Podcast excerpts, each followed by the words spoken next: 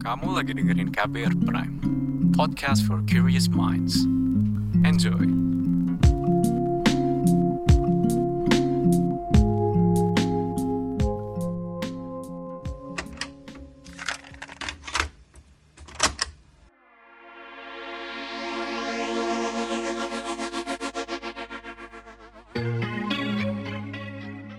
Jakarta ternyata nggak melulu kejam. Seenggaknya itu pengalaman Stebi Julianathan, seorang penulis yang ngobrol bareng saya kali ini. Nah, bareng Stebi, saya bakal ngobrolin soal adaptasinya dengan tempat baru bernama Jakarta. Bareng dia, saya juga ngobrolin perkara karya-karya fiksinya, singgungannya dengan identitas ajaran kasih dalam kekristenan dan juga perspektif Kristen terhadap keberagaman identitas gender dan orientasi seksual. Kamu lagi dengerin Love Buzz bareng saya, Asrul Dwi. Love Buzz membicarakan perkara yang tidak dibicarakan ketika berbicara perkara cinta. Kan baru pindah 6 bulan yang lalu gitu Benar. kan. Gimana Jakarta memperlakukanmu, Stebi? Aku ngerasa kehidupanku itu kayak roller coaster gitu ya. Hmm. Wow, cepat banget. Yang pasti Jakarta, ini kalau kesan awal ya, Hmm. ketika mungkin banyak orang-orang di daerah aku tuh merasa takut. Ya aku juga sempat mengalaminya kayak, duh pindah ke Jakarta gimana ya? Adakah orang yang mau menerima aku? Adakah yang mau bersahabat dengan aku? Hmm. Banyak kan stereotip-stereotip kayak yang Jakarta itu keras, lebih jahat eh, ibu kota ketimbang ibu Ibu tiri tiri. gitu. Tapi syukurlah love at the first sight-nya itu benar-benar memukau. Hmm. Jakarta itu jadi kota kalau dalam pengalaman personal aku jadi kota yang ramah karena tiba-tiba aku datang ke kota ini tuh kan sudah diterima di sekolah ya, sudah diterima dengan baik di sana, terus murid-murid di sana kan tiba-tiba yang selamat pagi Pak, selamat pagi kayak gitu. Wah, luar biasa ya. Ini beda banget sama yang kujumpai. Eh, hari pertama aku sampai itu di Tebet ada festival Jali-Jali, Jali-Jali Festival. Dan secara nggak sengaja juga ketemu Felix penulis penulis orang-orang OTMU gitu. Nah terus eh aku kayaknya tahu anak ini. Terus Felix juga, lo Stevie, eh Felix gitu kan. Kayak kami kami kayak ketemu teman lama karena kan memang sama-sama eh, sempat ketemu sempat bersatu komunitas yang sama lah di Jawa Mm-mm. Timur. Terus eh kamu ada di sini sini sini ku kenalkan. Ya jadi gitu, dikenalkan Bang Win, kenalkan Mbak Kanti, terus ketemu Mbak Debra ketika di satu acara itu jadi kayak ya very warm Pengalamannya mungkin agak beda sama orang-orang yang lain. bener bener bener soalnya eh, sama beberapa orang tuh juga dibilang gini eh, itu kan pengalaman kamu maksudnya Iya, iya, kamu benar. mungkin masih dapat manis-manisnya belum dapat pahit-pahitnya ya mudah-mudahan Jakarta selalu ramah ya terhadap aku please Baru enam bulan kayak eh jangan gitu dong peringatan, Asrul peringatan.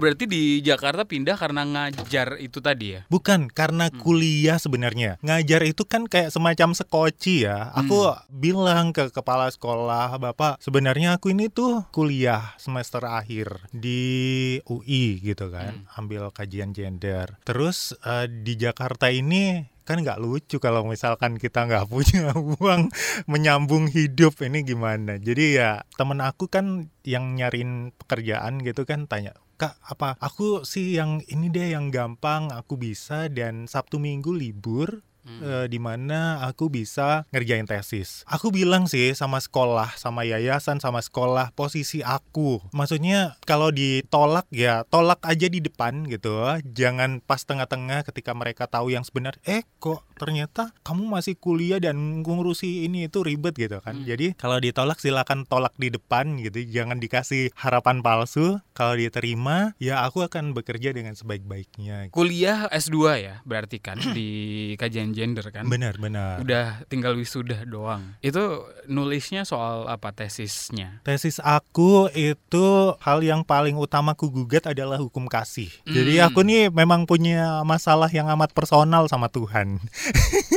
hukum kasih. Jadi bagaimana hukum kasih itu atau paling tidak gini deh. Gereja kekristenan ngajarin aku dari kecil itu hukum kasih. Kasihilah sesamamu manusia sebagaimana dirimu sendiri. Tapi aplikasinya nih Hmm. gitu. Ketika di dalam kehidupan bergereja kita kan mungkin dalam kehidupan personal gitu aku melihat kalau pelayanan-pelayanan keagamaan itu nantinya tidak menyentuh kelompok minoritas. Jadi itu mungkin kan yang di Surabaya ada Bunda Hayendayani kan PHDK secara tertulis mungkin ada gitu ya. Tapi dalam implementasinya gitu loh dalam penerapannya itu yang memang rada-rada sulit tidak semua orang gitu kan bisa menerima keberagaman keberadaan kelompok-kelompok minoritas seksual ini secara kasih itu tadi Kasihnya mengecualikan gitu. iya ya. benar Kalau ngomongin soal gereja gitu, aku sering denger juga soal Ah. kalau Islam ada rukyah gitu, kalau Kristen ada exorcism gitu. Kan niatnya sebenarnya setahu kalau exorcism berdasarkan Mhm. pengetahuanku tentang kekristenan yang sedikit ini gitu kan ngusir setan gitu kan di Iya, dalam iya, iya. tubuh manusia. Nah,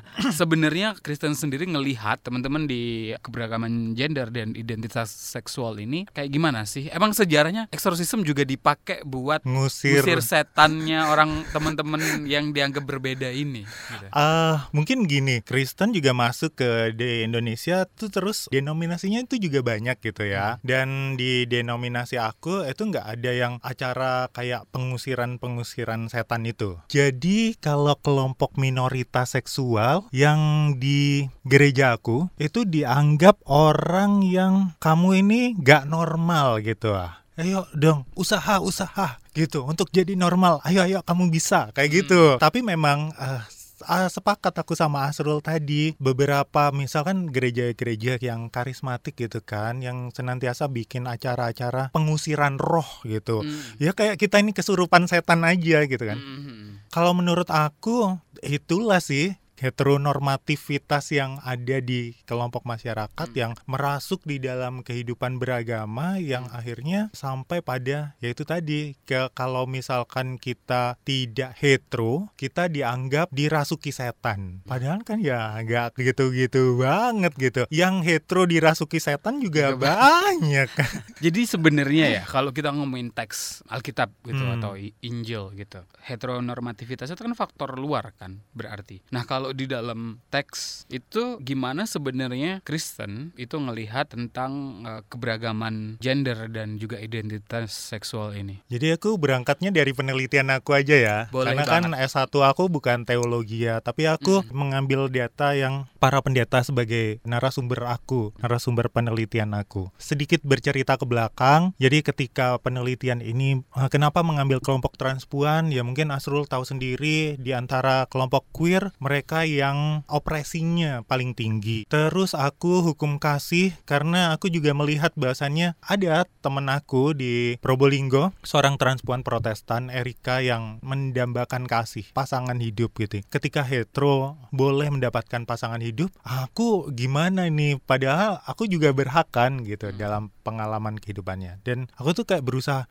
ya kenapa ya? Kok nggak adil ya? Hetero boleh, sementara kalau non heteroseksual itu ya deh kamu harus tertutup, jangan sampai kami kelihatan. Terus nggak usah selebrasi selebrasi kalau bisa berselibat kayak gitu. Dan dalam penelusuran gitu atau dalam penelitian yang aku lakukan, ini aku menemukan bahwasannya agama itu memang sih menjadi menjadi faktor utama yang menimbulkan opresi pada kelompok minoritas seksual. Apalagi di Indonesia ya, orangnya kan memang amat kita hidup itu amat sangat agamis gitu. Agama masuk di setiap sektor yang ada di dalam kehidupan masyarakat bahkan eh, KTP dan lain sebagainya. Terus eh, di dalam kekristenan sendiri ini menemukan kalau bahasa salah satu pendeta itu text of terror, teks-teks yang menjadi teror. Misalkan kisah Sodom dan Gomora. Ya itu ya yang teks utama yang Iya. senantiasa diglorifikasi oleh kelompok heteronormatif untuk mengopresi kelompok minoritas seksual. Bahasanya, oh dosa-dosa kelompok Sodom ini adalah dosa-dosa homoseksual. Padahal ketika teks itu dibedah,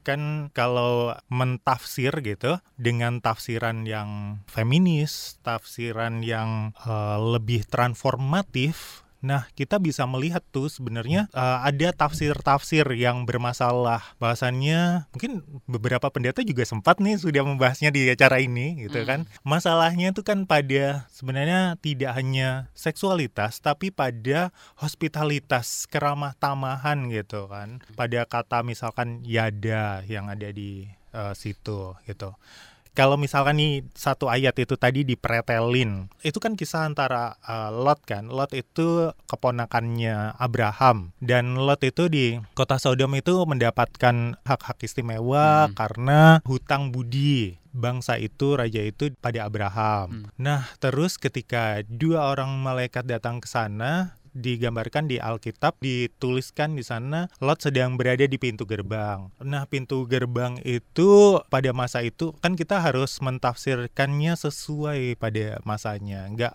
teks itu tidak letter lah, tapi dia di tafsir juga eh, di zamannya. Di mana memang saat Alkitab ditulis amat sangat patriarki, perempuan tidak ada nilainya, anak-anak nggak ada nilainya, lansia nggak ada nilainya. Balik lagi ke Lot, dia duduk di pintu gerbang dan dia menyambut malaikat itu. Nah, hospitalitas itu, keramah tamahan kepada tamu itu adalah hal yang amat sangat penting bagi bangsa Yahudi, bangsa Israel pada masa itu. Jadi ketika Lot mengambil alih hospitalitas atas dua tamu, orang setempat merasa tersinggung dong. Eh, itu tamu aku, aku yang seharusnya menjamu dia. Kok kamu menjamunya?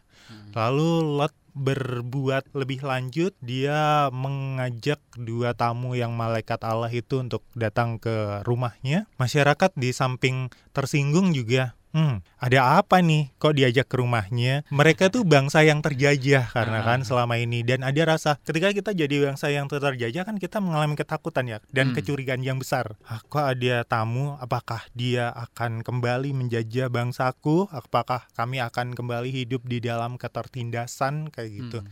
Mereka akan semakin berkumpul kan mengerubungi rumah Lot itu dan mengerubunginya, mengepungnya dan meneriakan kata yada. Yada ini kan yang paling bermasalah yang kalau diterjemahkan secara harfiah gitu izinkan kami untuk memakainya disodomi gitu kalau Iya. bahasa orang-orang sekarang. Yada ini bermasalah. Padahal yada ini juga bisa berarti izinkan kami menginterogasinya. Ya, Interogasi, ya. interogasi. Seperti itu. Tapi Lot yang ketakutan, kan rumahnya sudah dikepung, dia yang ketakutan, eh, dia merasa ketakutan karena dia menyadari kesalahannya kan. Kayak, oh aku mengambil alih keramah tamahan Hmm. orang sini. Terus dia menawarkan dua orang putrinya. Yang di mana dua putri itu sebenarnya adalah tunangan dari bangsa Sodom itu sendiri. Jadi ya tambah marah. Hai, ah, itu kan sudah kamu tunangkan kepada putra-putra di bangsa Sodom kok gini. Ketika dua malaikat melihat kekacauan itu, orang Sodom semakin mendesak rumah Lot dan dua malaikat melihat kekacauan itu, apakah perlu aku hancurkan mereka? Lot kan hancurkan, hancurkan. Sep, gitu kayak jentikan Thanos. Tapi Eh. kayak perbedaan translasi teks itu kan turunannya banyak artinya kan Hmm, dari bahasa Ibrani kemudian bahasa Inggris Iya benar. eh, masuk ke bahasa Indonesia gitu. Kalau versi Inggrisnya aja aku bacanya kemudian nemu versi bahasa Indonesianya kok beda gitu benar, ya. benar. Translasi translasi ini yang kemudian jadi masalahkah gitu karena ada persepsi luar itu tadi yang disisipkan di dalam itu atau memang ajarannya yang Iya, teksnya sebenarnya memang bermasalah dalam tanda kutip ya. Maksudnya ketika penerjemahan terjadi kita kan pasti mengalami bias makna, kadang-kadang peorasi, kadang-kadang malah maknanya akan lebih bagus atau kadang-kadang malah lebih buruk seperti Hmm, itu. mm-mm. Di samping proses penerjemahan-penerjemahan itu memang bahasanya kitab-kitab ini Alkitab ini kan ditulis dan penulisnya ini kan uh, orang-orang yang hidup pada masa patriarki. Budak masih ada loh pada masa itu yang perlu teman-teman atau kita semua perlu ingat. Itu yang ditanyakan murid aku. Kalau murid aku nggak sampai ke keragaman. Memang mereka sudah peka ya pada keragaman identitas Iya, gender dan seksual itu. Tapi waktu di kelas itu pertanyaannya ke perempuan, "Emang gimana pada masa itu?" Ya aku bilang ke mereka, jangankan ke perempuan yang nggak bernilai, para budak itu lo nggak bernilai. Jadi kalau kamu tuannya, kamu merasa mangkel, marah, kamu mau bunuh, ya nggak disalahkan. Tapi kan ya itu tadi ya ilmu berkembang, bagaimana kita menjadi manusia, prinsip-prinsip humanitas kan senantiasa dikritisi kan ya. Dan akhirnya sampai pada misal nih sekarang yang transformatif mungkin uh, belajar teologi kritis, uh, teologi feminis seperti itu. Sogi SC ditambah hal-hal seperti itu kan spektrumnya semakin sensitivitas kita sebagai manusia semakin lebar. Menggambarkan homo imago Dei bahwasannya manusia sebagai rupa gambaran citra Allah itu bukan hanya orang laki-laki loh gitu, tapi perempuan juga. Ini kalau nanti di bawahnya ke queer nggak hanya laki-laki dan perempuan loh, tapi juga mereka yang kelompok minoritas seksual. Nggak hanya kelompok minoritas seksual loh, tapi ada lansia di situ. Ya biasanya kan gitu. Kalau sudah lansia udah nggak dianggap manusia ya kan, tersingkir gitu kan. Atau anak-anak, "Shh, diam, jangan bicara. Kamu apa sih nggak tahu apa-apa gitu kan. Tapi dengan teologi kritis, dengan teologi feminis, kita punya kesadaran, awarenessnya ini sih sebenarnya yang perlu dibangun. Bahasanya ya sebagai orang Kristen kan sebenarnya di dalam teks-teks itu ada pesan kemanusiaan, pesan Allah yang ingin disampaikan pada kita. Tapi memang kita harus menghilangkan bias-bias yang kita miliki gitu. Tapi itu susah banget kan manusia kan pasti punya bias kan soalnya. Benar. Tapi ngomongin soal text of terror, selain cerita tentang Sodom Gomora. Gomora, yang over exposure dan keseringan dipakai gitu Ketingin kan. dipakai. Ada temuan-temuan lainnya nggak sih? Teks-teks apa lagi yang kemudian dipakai buat menyingkirkan atau meminggirkan teman-teman? Aku malah nyarinya itu bukan ke persoalan teksnya gitu ya. Oke. Aku malah mencarinya nih bagaimana para pendeta ini membangun agensi. Nggak mudah loh bagi keenam pendeta ini yang katakanlah memiliki pemikiran yang nyeleneh gitu kan, yang berpihak kepada kelompok minoritas seksual. Dan gimana nih agensi mereka? Susah banget loh gitu untuk mendobrak sesuatu yang sudah dogma bahkan salah satu pendeta meski di dalam tesisnya eh sorry disertasi Hmm.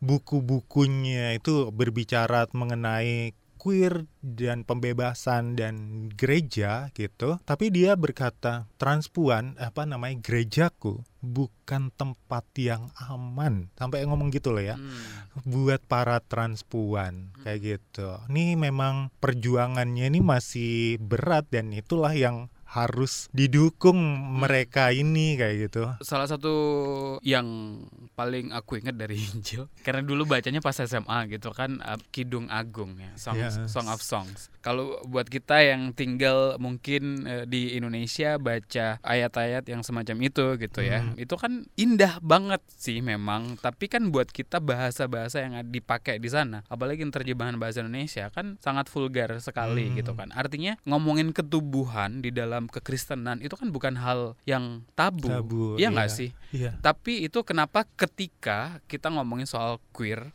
ketubuhan dan seksualitas itu jadi hal yang tabu gitu. Apa yang terjadi gitu? Kalau aku dari penelitianku sekali lagi Mm-mm. melihatnya bahasanya itu tuh karena udah didogmakan gitu loh. Bahasanya kalau ditanya kata siapa ini ya karena biasanya mereka sendiri pun nggak bisa menjelaskan. Iya, iya. pakai biasanya gitu. Ini sebagai salah satu contoh pengalaman pendeta gitu kan. Hmm. Misalkan di di dalam akta gerejanya itu sudah tertulis kayak menghormati keberagaman seksualitas tertulis. Terus habis itu memberikan layanan kepada mereka gitu. Tapi ketika misal ada salah satu anggota warga gereja yang dia itu queer, dia nggak bisa menjadi seorang pengurus gereja Iya. karena ketika pendeta, aku menyebutnya di dalam penelitian aku pendeta lay, jadi pendeta sekutu. gitu. Ketika salah satu narasumber pendeta sekutu bertanya, kenapa kok nggak bisa ini? Ya biasanya memang seperti itu,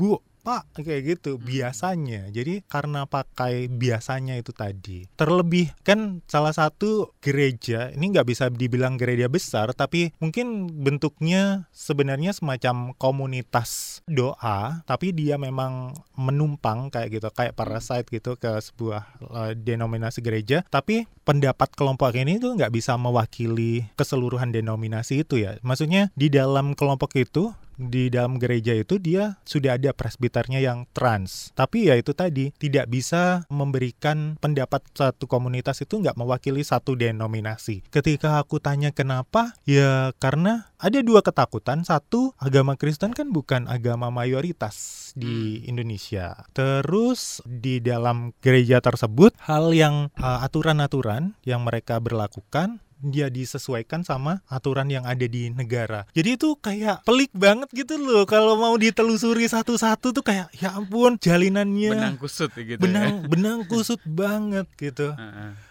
Ja- Jadi aku tuh kayak berkesimpulan ini tuh kayaknya kalau mau mengubah atau memberikan kelonggaran pelayanan gitu terhadap kelompok transpuan memang dari undang-undangnya ini undang-undang negara atau atau dari kelompok yang lebih mayoritas. Kan kalau di Islam ada scholar-scholar Muslim yang juga coba membaca ulang gitu Hmm. teks-teks Islam atau Quran tentang keberagaman gender dan orientasi seks gitu. Kalau Kristen atau Protestan khususnya itu kayak gimana sih? Kalau di luaran sana sih aku baca ada banyak hal bahkan aku sempat nemu pembacaan queer soal hubungan Yesus Hmm. sama John the Apostle. em, Iya, iya, yang- Yohanes. kalau di Indonesia apa ya?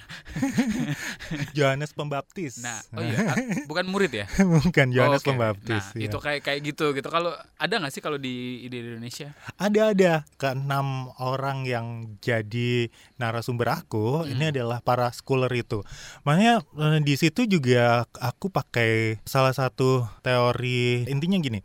Teori itu menyebutkan bahwasannya para teolog queer ini pakai banyak sekali identitas mereka yang untuk dimainkan. Jadi ketika dia pakai identitas pendetanya, mampet nih jalannya. Jadilah dia pakai identitas para teolog itu untuk mendobrak pemikiran. Tapi ketika memakai identitas teolog itu kan secara akademisi. Jadi kayak ada jenjang kan ya, Wow, dua hal yang beda Ah. gitu kan. Ini oke gitu di salah satu di di dalam akademisi wah gencar banget nih jurnal-jurnal ilmiah semua Mm-mm, tuh jalan keluar mm-mm. tapi ini nggak nggak kebaca halai jemaat mm-mm. karena terlalu ilmiah gitu iya kan Oke, iya. Nah, ketika digencarkan di gereja, Mhm. mereka ini harus pandai bermain. Jadi ada salah satu kata di Alkitab yang mereka senantiasa pakai itu jujur atau baik seperti merpati ya, atau setia seperti merpati dan licin seperti ular, kayak gitu.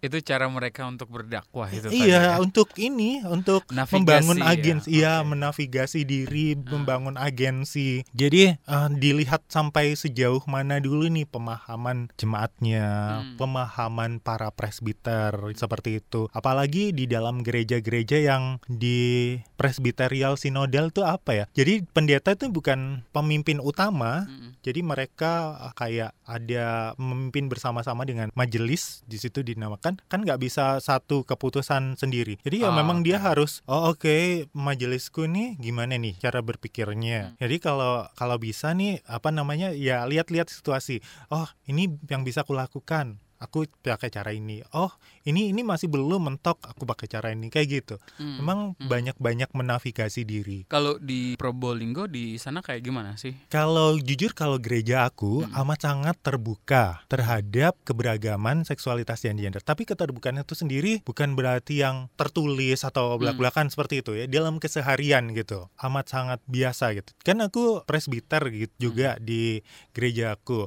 Bahkan kalau misalkan dari sinode itu ada pasal-pasal nih, misal misalkan yang jadi presbiter itu nggak boleh untuk memiliki identitas non hetero misalkan gitu. Tapi Hmm. kalau di gereja aku itu aman-aman saja. Terus hal itu bisa dibicarakan di GP. Ini mungkin juga salah satu privilege ya, privilege yang aku miliki gitu. Hmm. Di gereja sebegitu santainya, di keluarga sebegitu santainya, bahkan mungkin di pemerintahan juga sebegitu santainya gitu kan ya. Aku kok kayak awal kali ketika aku di kajian Ah. gender, aku tuh nggak mengenali bubble aku loh. Itu yang banyak bikin aku bermasalah karena aku ngerasa bahasanya orang yang suka mengeluh atau apa itu kayak kamu sih nggak mau usaha. Padahal enggak, aku selama ini queer in the closet kan. Dan banyak privilege itu juga iya, banyak itu privilege kan. privilege itu juga. Itu Ah. mungkin yang sudah diusahakan oleh orang-orang yang ada di atas aku gitu, Ah, senior senior aku. Jadi hal itu tidak menjadi masalah. Tapi kalau misalkan di luar gereja ya bermasalah. Kalau secara umum di luar lingkungan gereja, ya meskipun juga gereja kan bagian dari masyarakat juga. Kalau di Probolinggo sebenarnya kayak gimana sih penerimaan masyarakatnya terhadap teman-teman keberagaman gender dan orientasi seksual ini? Kalau di Probolinggo masih agak susah. Kan Hmm. kita berbicara masalah misalkan agama mayoritas di tempat aku juga masih muslim. Terus ini juga sama suku-suku. Kami mengenalnya itu etnis pendalungan. Pendalungan itu percampuran antara Jawa dan Madura. Jadi Maduranya masih kental banget Jawanya juga masih kental banget seperti itu. Itu sangat tidak mudah untuk berbicara masalah non heteronormatif Kalau aku baca review-reviewnya gitu kan masuk dalam karyanya Stebi gitu Iya. ya, Sekong gitu. benar karya fiksi yang coba di capture di dalam karya itu tentang kehidupan teman-teman queer di Iya. Probolinggo gitu ya di dan di dalam pemerintahan. Ya kalau berbicara masalah queer di dalam pemerintahan itu ya agak susah gitu, agak susah. Kecuali mungkin aku ya yang punya privilege karena ketika wali kotaku ini kenal aku, aku kan juga udah santai dan maksudnya mungkin kalau sekarang dibilang tuh relasi kuasa gitu ya, Hmm. punya modal sosial yang cukup kuat. Misal nih, kan mungkin pernah dengar kasus gitu kan, ada ke polisi terus sama ada anak muda main bulu ta main pemain bulu tangkis gitu. Terus foto telanjang mereka gitu tersebar gitu kan. Terus heboh kan pemerintah heboh. Terus Pak Wali Kota aku yang Habib tadi itu kan kami punya grup humas gitu ya. Eh konconis tebi kayak gitu. Oh Ya, wow. konconis tebi gitu. Tapi aku ya dengan santai-santainya ya karena itu tadi. Ah iya pak temen aku. Ya itu ya kayak aku jadi grabbing aja. Maksudnya ya anggap aja itu bercanda-canda. Malah aku sering kok ngajari dia tuh bahasa or- orang bilang bahasa binan ya bahasa siban gitu. Iya ngajari wali kota aku kalau dia nggak tahu bahasa apa aku kasih translate-nya. Oke dan itu backgroundnya partai Islam gitu ya. Iya iya iya. Menarik sebenarnya kan Jawa Timur setahu aku kan emang ya secara umum cukup menerima kan. Ada banyak budaya budaya lokal atau kesenian lokal di sana yang mengakomodasi sebenarnya gitu ya. Masyarakatnya juga menerima hal-hal yang kayak gitu nggak sih? Menerima kalau dalam konteks seni gitu aku juga tahu kan beberapa Hmm. teman uh, seniman-seniman tuh juga queer kayak Hmm. gitu kan kalau dalam konteks pentas panggung kayak gitu uh, ludruk lah katakanlah terus kalau dalam konteks kesenian ya itu bisa Hmm. mungkin karena dianggap oleh masyarakat tuh kayak ya mereka lagi mentas lah gitu kan. Hmm. Lagi lucu-lucuan lagi ini gitu. Eh, maksudnya kalau dia dari kacamata aku yang dulu heteronormatif gitu ya meskipun queer I'm queering queer gitu kan. Well, yeah, ya. It's possible. Iya, jadi kayak ngerasa bahasanya, aduh kasihan gini. Jadi kayak ah, sebenarnya dia memiliki identitas yang berbeda, tapi karena ini secara sosial nggak bisa, jadi dia memaksakan diri untuk menikah, lavender married, kayak gitu.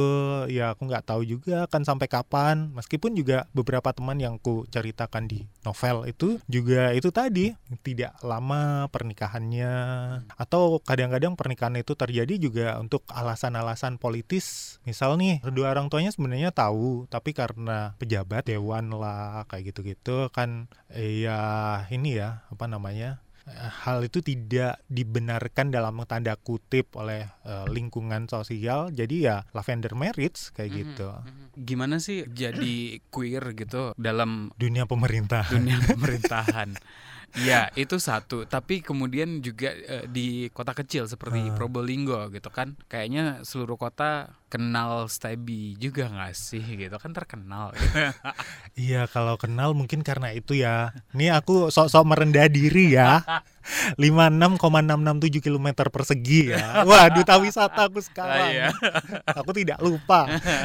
Nah, ya mungkin gini, karena mereka kenal aku tuh dari kecil kan sebenarnya yang amat sangat terkenal banget dari kecil bukan aku ya Hmm. kakak aku tuh amat sangat populer kakak aku cewek usia kami nggak jauh berbeda satu setengah tahun itu dia amat sangat populer lah baik di Hmm. sekolah di lingkungan mana pun lah gitu Hmm. amat sangat populer dan aku merasa beruntung nggak punya kakak seperti dia kalau banyak orang lain merasa nggak beruntung gitu karena berada di bawah bayang-bayang kakak aku amat sangat merasa beruntung Hmm. jadi aku tuh kayak tinggal ngekor aja gitu Hmm. jalanku terbuka lebar. Di gereja bahkan sempat aku ketua pemuda pemudanya kayak gitu. Terus dari ketua pemuda itu masuk ke majelis itu tadi. Di kemasyarakatan misalkan sering sering banget misalkan terlibat pada kegiatan apa kegiatan apa. Jadi mungkin uh, masyarakat tuh ya tidak lagi melihat pada identitas queernya tapi Hmm, hmm. pada apa yang kita lakukan. Iya. makanya itu yang tadi aku bilang gitu. Aku queer in the bubble yang kayak ya kamu sih nggak berusaha karena aku merasa bahasanya itu usahaku padahal enggak kan enggak gitu Sama keluarga inti gitu ya, Hmm. berarti udah meleleh juga ya. melelanya mungkin secara enggak langsung, Nggak langsung juga ya, ya, nggak ngomong gitu ya. melelanya itu mungkin lewat kakak aku tadi itu jadi aku memang sempat mengalami pelecehan seksual gitu zaman aku SMA kelas 2 jadi masih umur 14-an Hmm. yang melakukannya tuh dari anggota terdekat gitu kan Hmm, hmm. dan di masa-masa itu yang paling takut banget maksudnya ketika itu Natalan tuh kayak masa yang aduh suram banget ke rumah oma lagi ini ketemu lagi kayak gitu kan tuh kan mengalami ketakutan itu ya dan dia tuh healingnya itu ketika aku keluar dari rumah dan artian habis SMA aku nggak melanjutkan nggak langsung kuliah. Aku ambil program D1 informatika dulu. Dan itu ada ikatan kayak ikatan kerja gitu ke Hmm. Bali di masa-masa yang jauh itu eh aku kayaknya perlu menceritakan hal itu ke kakak aku kayak gitu singkat cerita mungkin surat itu juga kakakku sampaikan kepada kedua orang tuaku karena pasca surat itu terkirim papaku yang kan biasa ya dunia patrilineal ini ya. kalau laki-laki nggak boleh menunjukkan perhatian sikap atau dingin lah cool Iya, able iya. gitu kan Ah, cool able kulkas. cool kan Ah, dia nulis menulis surat tapi bukan nulis surat merespon itu ya kayak Hmm. yang ah, hati-hati ya di sana jaga diri baik-baik jaga kesehatan kayak aku wow luar biasa bapak aku gitu. Hmm. suratnya sampai sekarang aku simpan loh karena itu kan amat sangat precious bag- Iya, bagi bagi aku ah. sebagai seorang anaknya. Uang uh, buku kita terbit terus ada bukti terbitnya dikirim sama penerbit ke rumah dia cuma lihat apa ini? Ah, buku pak. Buku apa? Bukuku terbit kayak gitu. Oh iya gitu. Gitu aja. Padahal kan kita apa anaknya ye kayak gitu ya. Apa diselamati lah atau apalah? Dia dia tidak. Dia tipikal yang gini cerita ke pasti nanti cerita ke saudara saudaranya ke karena tetangga gitu ya teman tongkrongan gitu Mm-mm. kan biasanya gitu benar ya. kalau di depan anaknya tidak sama sekali jadi jangan harap dia akan romantis gitu padahal aku kan kayak hello tolong dia tolong gitu Kalau kita ngomongin karya, tadi kita nyinggung soal eh, novelnya Stebi ya, Sekong judulnya.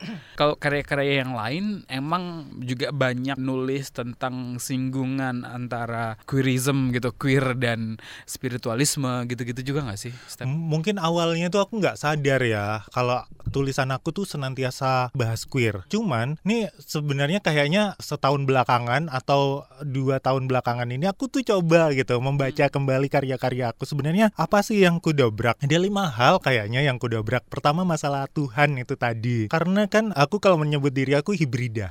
Papaku Jawa Muslim, mamaku Kristen Ambon. Dari kecil aku selalu bertanya, ini Tuhan ini siapa, seperti apa, datang dari mana, terus eh, yang mana yang benar. Bentukannya kayak gimana gitu? Enggak ya? Iya kayak kayak yang mana ini yang benar. Karena ketika di keluarga inti dia tidak menjadi persoalan. Tapi ketika di luar gitu kan dia akan menjadi sebuah persoalan. Apalagi waktu politik identitas setelah pasca 98 tuh aduh berat banget deh menjadi seorang Stebi di masa itu. Jije gayanya kamu harus memilih memilih yang mana kan mulai harus punya KTP dan lain Oh, sebagainya iya. sementara Iya, kan bener, bener, bener. ah, bingung gitu kan mengalami kebingungan terus yang kedua itu soal nenek. Aku yang paling bermasalah tuh nenek karena ini selidik punya selidik yang taunya juga setelah lebih dewasa gitu kan. Kenapa tiba-tiba tinggal di Probolinggo? Itu rupanya juga daerah pelarian kedua orang tuaku. Ketika mereka sama-sama terusir dari rumah kan identitas tidak sama itu kayak lagu Dewi Lestari ya. Tuhan itu satu heeh. Jadi kalau kami, aku dan kakak aku dulu mungkin kalau anak kecil, hei kita akan berlibur ke rumah nenek itu akan senang. Hmm. Tapi kalau kami itu merasa terancam. Jadi aduh pertengkaran apa lagi nih yang akan terjadi kayak gitu. Bahkan aku sempat menulis puisi itu botol kecap. Jadi yang dicari nenek aku kalau ke Probolinggo bukan aku cucu-cucunya gini, tapi lebih kepada oleh-oleh kecap, kecap cap sate ya, Oh, kayak kecap sate sate. soto ah, Hmm. terkenal di sana. Terus yang ketiga masalah seksualitas. Ya dari kecil kan pasti udah mempertanyakan kan ya Hmm. Mungkin tidak eh, muncul secara langsung tapi kok aku lebih nyaman dengan orang yang bergender atau berjenis kelamin ini ketimbang yang ini gitu. Itu udah udah muncul udah kerap muncul cuman memang tidak bold. Terus yang aku pertanyakan tuh kayak pernikahan juga. Ah kenapa aku mesti menikah Eh kenapa sih orang perlu menikah kalau misalkan hal itu menyiksa gitu? Hmm.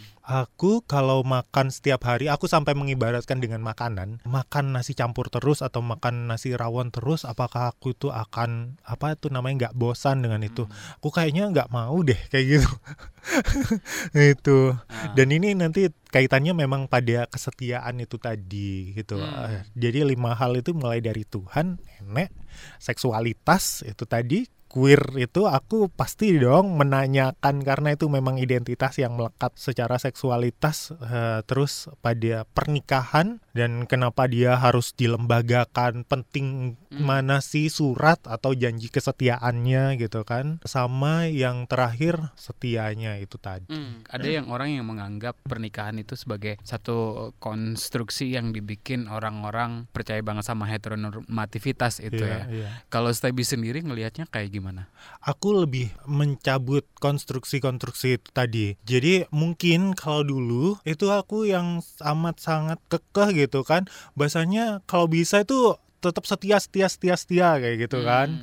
Hmm. Apalagi misalkan kalau di kekristenan pernikahan adalah janji sekali seumur hidup yang sudah dipersatukan Allah tidak mungkin dipisahkan oleh manusia. Tapi kalau sekarang ya itu tadi ada orang yang memang bisa cocok dengan janji kesetiaan itu tadi, tapi tidak semua orang kan cocok dengan itu. Dia bisa memiliki memilih gitu di antara dua hubungan itu. Sama halnya dengan orang yang memilih untuk berselibat para pastor, Hmm. para romo. Tapi jangan diharapkan semua orang juga sama seperti kamu Ah. bisa berselibat gitu kan. Ya yang nggak berselibat ya biarkan dia tidak berselibat. Maksudnya ya apa ya? Ya kita jangan menjadi Tuhan lah kepada sesama kita gitu kan. Kita tuh manusia gitu.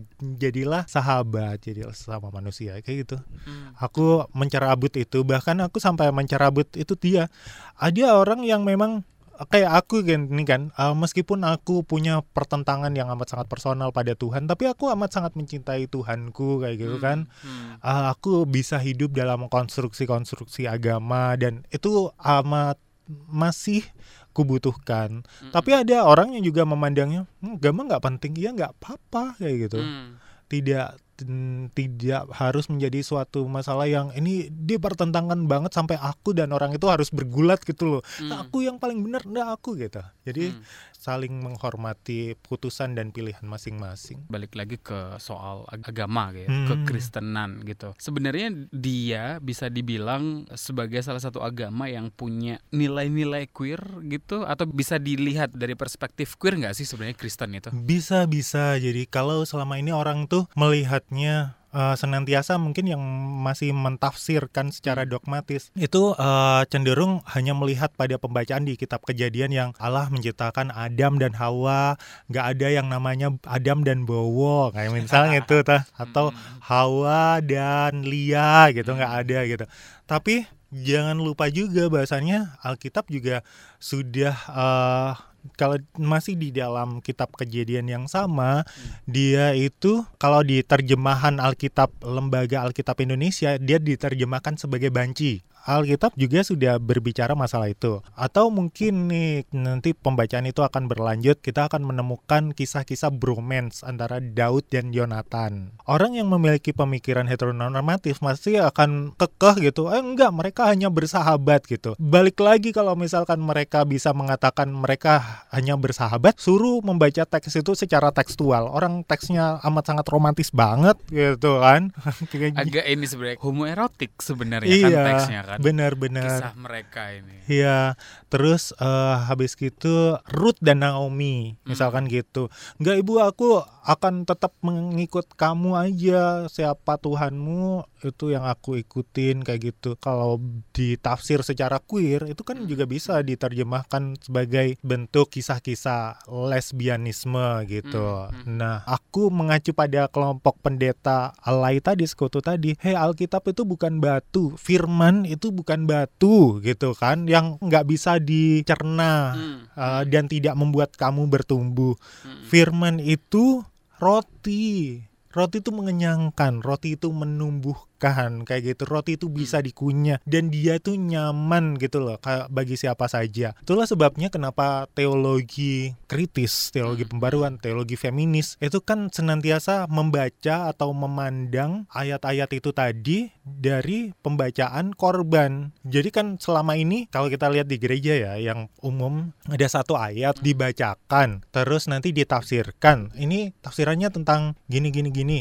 Terus nanti baru disangkut pautkan kalau di dalam kehidupan yang modern ini itu cocoknya di mana sih begitu kan senantiasa kan Iya. Iya kan? Dia nggak dibawa. Kalau yang dengan teologi kritis dan konstruktif itu pengalaman kita sebenarnya yang dibawa untuk melakukan pembacaan dari awal, dari start. Jadi kita senantiasa berbicara eh, dari pihak korban. Mhm. Jadi kayak paling gampang yaitu perempuan Samaria yang dirajam. Rajam, ya. Iya, yang mau dirajam.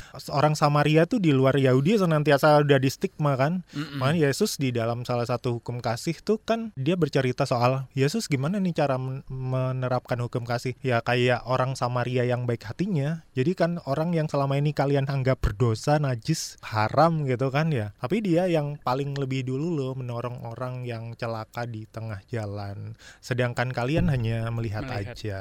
Soal Daud Mm-mm, dan Yonatan. Yonatan. Kalau boleh dikasih ilustrasi sebenarnya kayak gimana sih kisahnya mereka berdua? Daud itu kan di dalam Alkitab itu diceritakan sosok yang amat sangat rupawan ya. Bahkan si Saul tuh aslinya naksir banget kan. Si raja itu. Iya lu baca sendiri Benar-benar deh. iya iya. Gitu kan. Kalau dia nggak naksir sama Daud, dia nggak mungkin langsung nyamperin Daud. Eh anak siapa kamu? Kamu ikut aku. Lu raja itu punya tahta yang luar biasa loh buat memerintahkan. Tuh kan anaknya pengembala. Dia lagi bermain seruling terus kok enak, rupawan banget. Ikut aku kayak gitu. Bahkan aku tuh kalau melihat kisah itu, kalau membacanya dari sudut pandang ke queerness gitu ya, itu kayak si Saul itu sama Yonatan mereka lagi berebut Daud. Itu bapak anak kan Iya, sebenarnya. bapak anak mereka lagi berebut Daud, berebut pacaran tapi Daud lebih memilih yang anak kan, lebih muda. Iya, seumuran mungkin. Ah, ya, seumuran. Akhirnya si Saul marah kan, Ah. sampai dia dikejar gitu.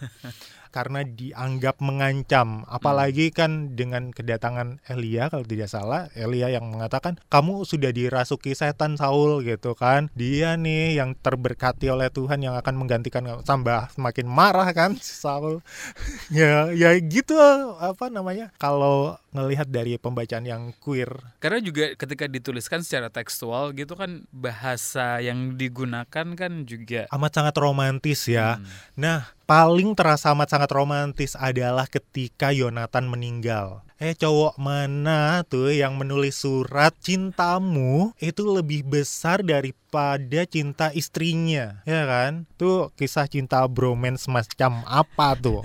tesis bahas soal itu ya, uh, Aha. text of terror gitu ya. Iya. Di dalam kekristenan itu. Di sisi lain juga menemukan ajaran-ajaran Mm-mm. tentang kasih dan Iya. ada cerita cinta pula di dalamnya. Kalau boleh dibagi juga tentang temuan-temuan ini gitu ya soal cinta soal kasih gitu antitesis dari teror itu tadi kayak gimana sih dalam kekristenan aku kalau antitesis dari teror aku menyebutnya peta afirmatif gereja. Jadi upaya apa nih sebenarnya yang harus dilakukan oleh para teolog lah kalau misalkan menyebut diri sebagai pendeta itu susah gitu. Jadi oh aku ingat nama teorinya dari siapa Mari Altus Reid. Nah kan ini kan kalau misalnya ini langsung teringat semua. Itu tadi paspor itu tadi identitas pendeta sebagai paspor itu dari Mary Altus Reid. Dia seorang teolog dari Brasil yang berbincang gini. Bahasanya agama itu nggak diat loh, apa nggak biner, nggak kaku. Tuhan itu nggak hanya ada di masjid, musola, gereja, tempat-tempat yang suci kata orang, tapi dia juga ada di rumah pelacuran.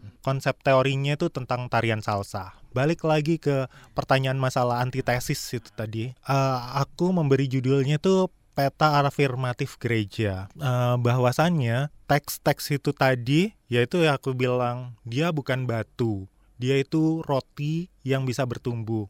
Caranya teks ini biar tidak jadi batu, biar bisa jadi roti, dia harus menggunakan perspektif, sudut pandang, cara pembacaan yang baru. Dengan apa? Kalau para teolog sekarang mengenalnya dengan membaca Alkitab dengan mata baru. M A membaca Alkitab D M B gitu, MADMB. Ya menggunakan perspektif korban itu tadi. Jangan pakai perspektif kita yang berprivilege, ada di bubble, di di dalam istana gitu. Ya Yesus saja turun ke dalam dunia kalau percaya bahasanya Yesus adalah Tuhan 100% Tuhan dan 100% manusia, dia mau turun. Hmm. Ya kita harus turun, jangan ada di Menara Gading. Sharing-sharing lah rotinya itu jangan ditelan sendiri, dibagi. Itulah peta afirmatif yang harus dilakukan tidak semata-mata hanya kembali pada kitab suci hmm. karena percuma kalau kembali sudut pandangnya tetap ya percuma. Ada ini nggak sih rencana publish novel atau puisi-puisi baru uh, antologi gitu-gitu? Sebenarnya pengen bikin puisi dulu. Aku tuh merasa cepat lelah di sini di Jakarta ini. Oh iya, udah tua di jalan soalnya kalau di iya. Jakarta iya. kan. Uh, aku kan cerita tadi ya kayak kontemplasinya tuh kayaknya aduh oh sulit banget ya kayak gitu soal novel aku sempat kepikiran mm -hmm. itu tentang kehidupan pendeta juga mm. karena aku di tempat aku di Probolinggo pernah dilayani oleh pendeta yang unik berikut ini.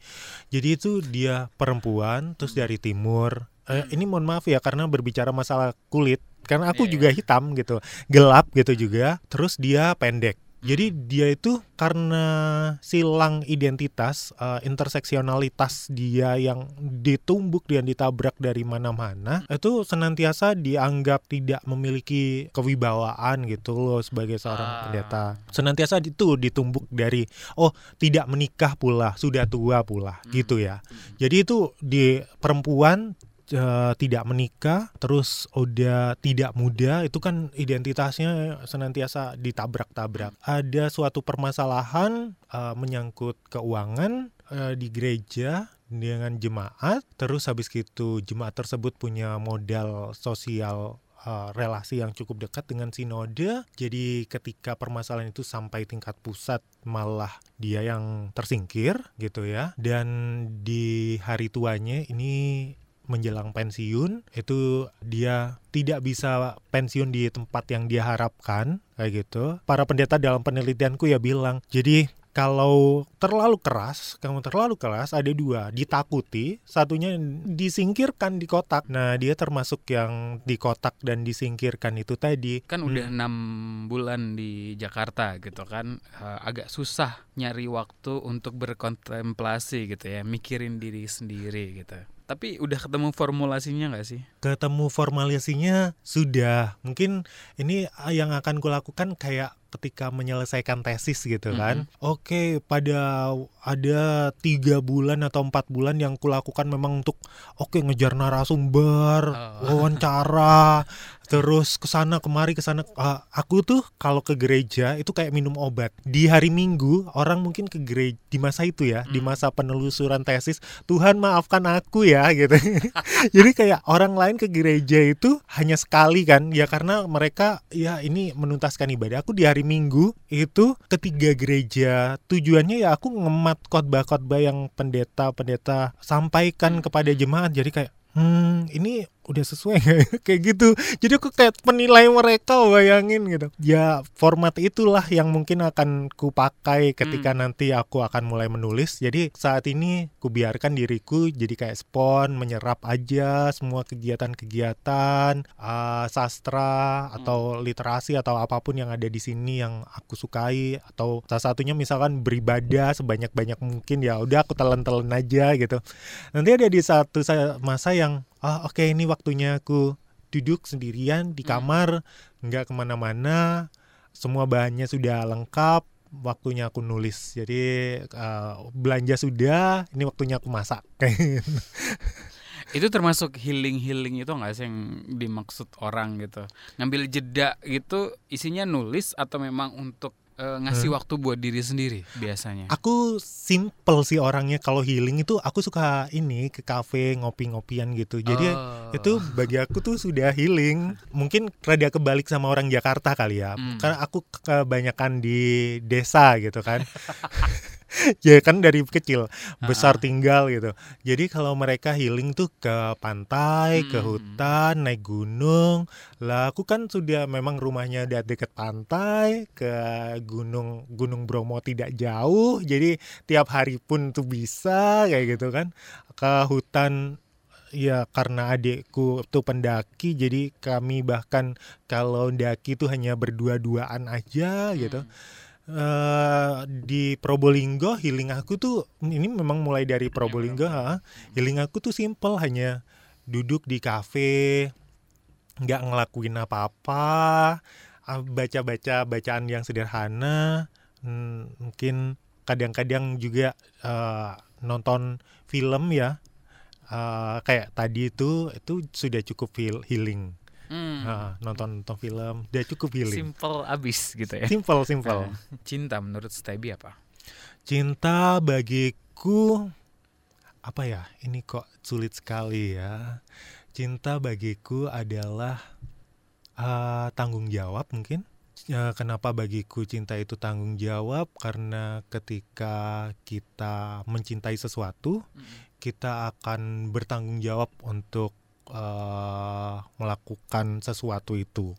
Gak peduli dia panas, hujan, kita nggak bakal eh, apa itu banyak alasan itu loh atau banyak ya memberikan alasan eh lagi hujan nih aduh panas nih gitu tapi ketika kita melakukan segala sesuatu dengan cinta atau ketika kita mencintai orang tersebut kita kayak ya kayak ada calling itu hai Bev sini dong oke sekarang juga berangkat gitu itu bentuk tanggung jawab aku pada cinta pada segala hal yang ku cintai Hmm. Buat saya obrolan tadi ngasih semacam garis bawah penebalan bahwa identitas manusia itu banyak lapisannya. Ketika kita ngobrolin tentang keberagaman gender dan orientasi seksual, ternyata identitas kita direduksi. Love Buzz membicarakan perkara yang tidak dibicarakan ketika berbicara perkara cinta.